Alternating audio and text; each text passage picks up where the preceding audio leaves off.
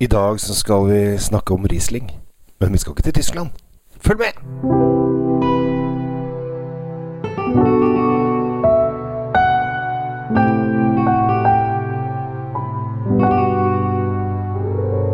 Hei og hjertelig velkommen til eh, dagens episode av eh, Kjells uh, vinkjeller. Jeg håper at ting står til ternika seks. Det er alltid hyggelig.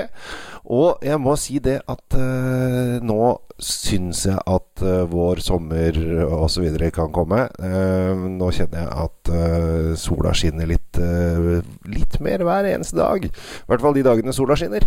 Og den dagen i dag som denne episoden spilles inn, så er det fantastisk fint og deilig vær ute.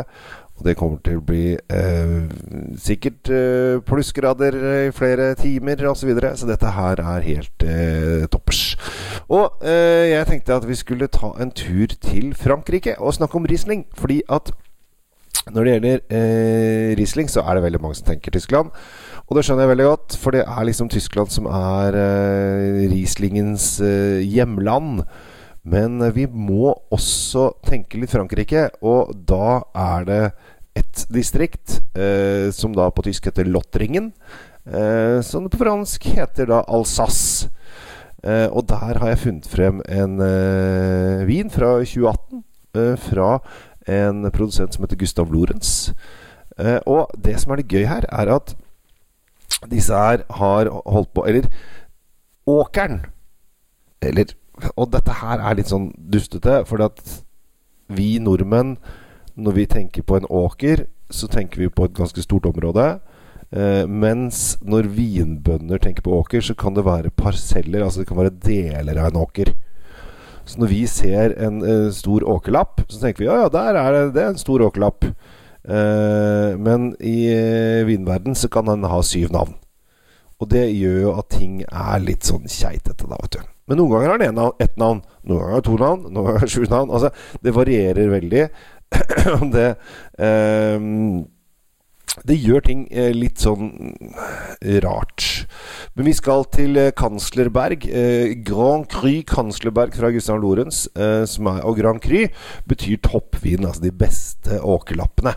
Der har du Grand Cru av de som har best ordforhold, og de som ligger penest i naturen de er liksom det aller beste. Så står det Grand Cru, så vet du at dette er toppvinen til produsenten. Uh, og her står det da Grand Cru uh, Kanslerberg. Som, og det er veldig Vi er i Frankrike. Uh, Kanslerberg høres jo veldig veldig tysk ut, og det er ikke så rart, fordi at dette er jo dette området som Tyskland og Frankrike har kriget om i evig tid. Første gang Kanslerberg-åsen blir nevnt, er i 1312. Og da er det johanitterridderne fra Malta som uh, eide en parsell der. Og da er spørsmålet hvor stor var den parsellen? Uh, det kan hende at noen vet det, men jeg vet ikke det. Så her har de lagd vin siden 1300-tallet. Uh, eh, så dette er ganske gammelt. Og da holdt johanitterne til på Rådås, før de flytta til Malta. Uh, og hvis du lurer på hva johanitterridderen er, så er det en fantastisk spennende uh, ridderorden som begynte i Jerusalem. Og så flytta de til Rådås, og så ble de kasta ut der, og så flytta de til Malta. Og så har de drevet med sykehusvirksomhet for eh, de trengende. Altså en ridderorden som drev militær sykehusvirksomhet. men spennende historie. Finn ut det på egen hånd. Jeg kommer ikke til å, å, å kjøre den videre her, eh, for det har vi ikke tid til. Vi kan ikke holde på det. Vi kan ikke holde på det. Eh, men vi er da i Riesling, eh, Rieslingland. Eh, og som dere da skjønner, i et område som har lagd vin eh, i hundrevis Hundrevis av år. Jeg vet ikke hva Norge i 1312?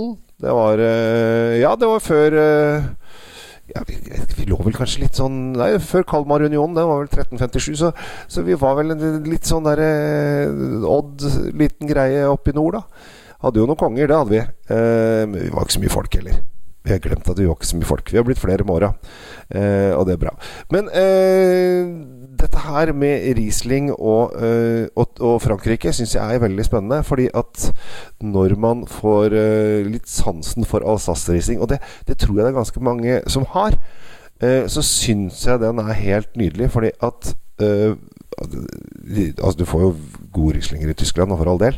Eh, men prøv kanskje hjemme å kjøpe en GG, for at i Tyskland heter det Grossgevekst. Gewächst. Eh, Riesling. uh, og, og prøv den opp mot uh, Gustav Lorentzen Grand Cru. Altså GG og Grand Cru eh, betyr akkurat det samme, i og for seg. Eh, og jeg syns denne her har en sånn deilig moden gul frukt. Og den har ligget litt på fat, så den har fått en sånn rund og deilig, litt uh, fyldig smak. At, at, du kjenner liksom at du Det er ikke syrlig, friskt vann. Du kjenner liksom at det er, det er litt hold, hold i væsken som jeg syns er, eh, er helt fantastisk. For det, det, blir liksom sånn kraftig drikke.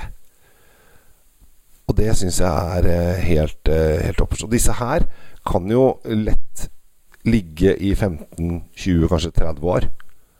Så hvis du har lyst til å liksom spare den her til en uh, viktig dag Kanskje du skal kjøpe en kasse, så kan du prøve en etter to år, en etter fem år, en etter ti år osv. Så, videre. så ser du liksom hvordan de utvikler seg. Det er ikke så dumt. Og det er ganske morsomt. Så uh, det kan være en god greie. For dette her er ikke Det er ikke gratis. Men det er ikke sånn svindyrt heller. Kommer an på øyet som ser, selvfølgelig. Eh, 399,90. Jeg kaller det 400 kroner. Eh, selv om folk liker å liksom ta det tiår under, så da er det plutselig Plutselig mye billigere. Men eh, den tiåringen har vi jo ikke sett på årevis uansett, så det har jo ingenting med saken å gjøre. Lagd på da de beste åkerne til denne Gustav Lorentz-produsenten. Og den, der er de lager faktisk ganske, ganske mye kule viner. De har litt bobler og og litt enklere Rieslinger også, som jeg syns eh, leverer veldig bra. Så Gustav Lorentz eh, fungerer fint. Som eh, da har Åkeren, Kanslerberg, kommer da Altså grunn, grunnstoffet, eller nei, ikke grunnstoffet, stein, steingrunnen, er fra juratiden. Og det er 170 millioner år siden. og da lå dette området under vann. Så det er litt sånn som med champagne, så kan du da finne finne litt sånn konkylier og sånn i steinene rundt buskevekstene og andre buskevekster, for det som tok den. Eh, så eh, prøv, eh, prøv litt eh, Grand Cru fra, fra Alsace. Eh, og så kjenner jeg Beklager at stemmen har vært litt rusten i dag. Jeg har vært konferansier i Vikersundbakken under skiflyvnings-VM. Eh, og jeg har aldri vært på det før. Jeg må bare si at jeg syns det var veldig morsomt. Jeg syns det er veldig ko-ko at folk Altså, alle skihoppere, de veier jo nesten ingenting. Altså, jeg veier jo godt over 100 kg, men de er jo tynne som streker. Og så skal de da sette utfor på to planker og hoppe over 200 meter. Det er jo helt helt hinsides. Det må være livsfarlig. Uh, men det var veldig morsomt, så derfor er jeg litt sånn rusten i stemmen, og det må jeg bare beklage. Uh, for dere som har irritert dere over det uh, de siste åtte minuttene og ti sekundene. Men uh, jeg håper det går over. Derfor skal jeg avslutte også, så jeg har litt grann stemme igjen. Men Grand Prix Kanslerberg fra Gustav Lorentz til 400 kroner, det syns jeg er et godt kjøp. Så eh, det er dagens anbefaling. Verken mer eller mindre. Så da ønsker jeg deg en uh, god uke. Jeg skal ha en vinøs uke for dere som følger meg på Jeg har egen snap som heter Kjell Svinkjeller-snappen. Uh, add gjerne den. Uh, jeg skal på om et par dager reise til uh, Eller to dager etter at denne kommer ut, episoden, så skal jeg reise til Portugal og være internasjonal vindommer i en Sauvignon Blad-konkurranse som jeg tror kommer til å bli kjempespennende. Jeg skal teste 200 Sauvignon Blad på to dager. Så jeg har litt å slite med der, kan man vel trygt si. Så dette her blir en skikkelig vinøs uke. Og hvis du er på da denne snappen, så ser jeg hvordan livet som en vinanmelder eh, foregår. Og hva jeg driver på med rundt vin. Så det er litt morsomt. Så eh, ta vare på deg sjøl, da. Så stikker jeg til Portugal og tester eh, sinnssykt mye savneblad. Og så eh, smiler du til de du er glad i, og de vennene rundt deg. Så kommer dette til å bli bra på hver vår front. Takk for i dag, og takk for at du abonnerer og lytter og følger med. Hei hvor det går. Ha det bra.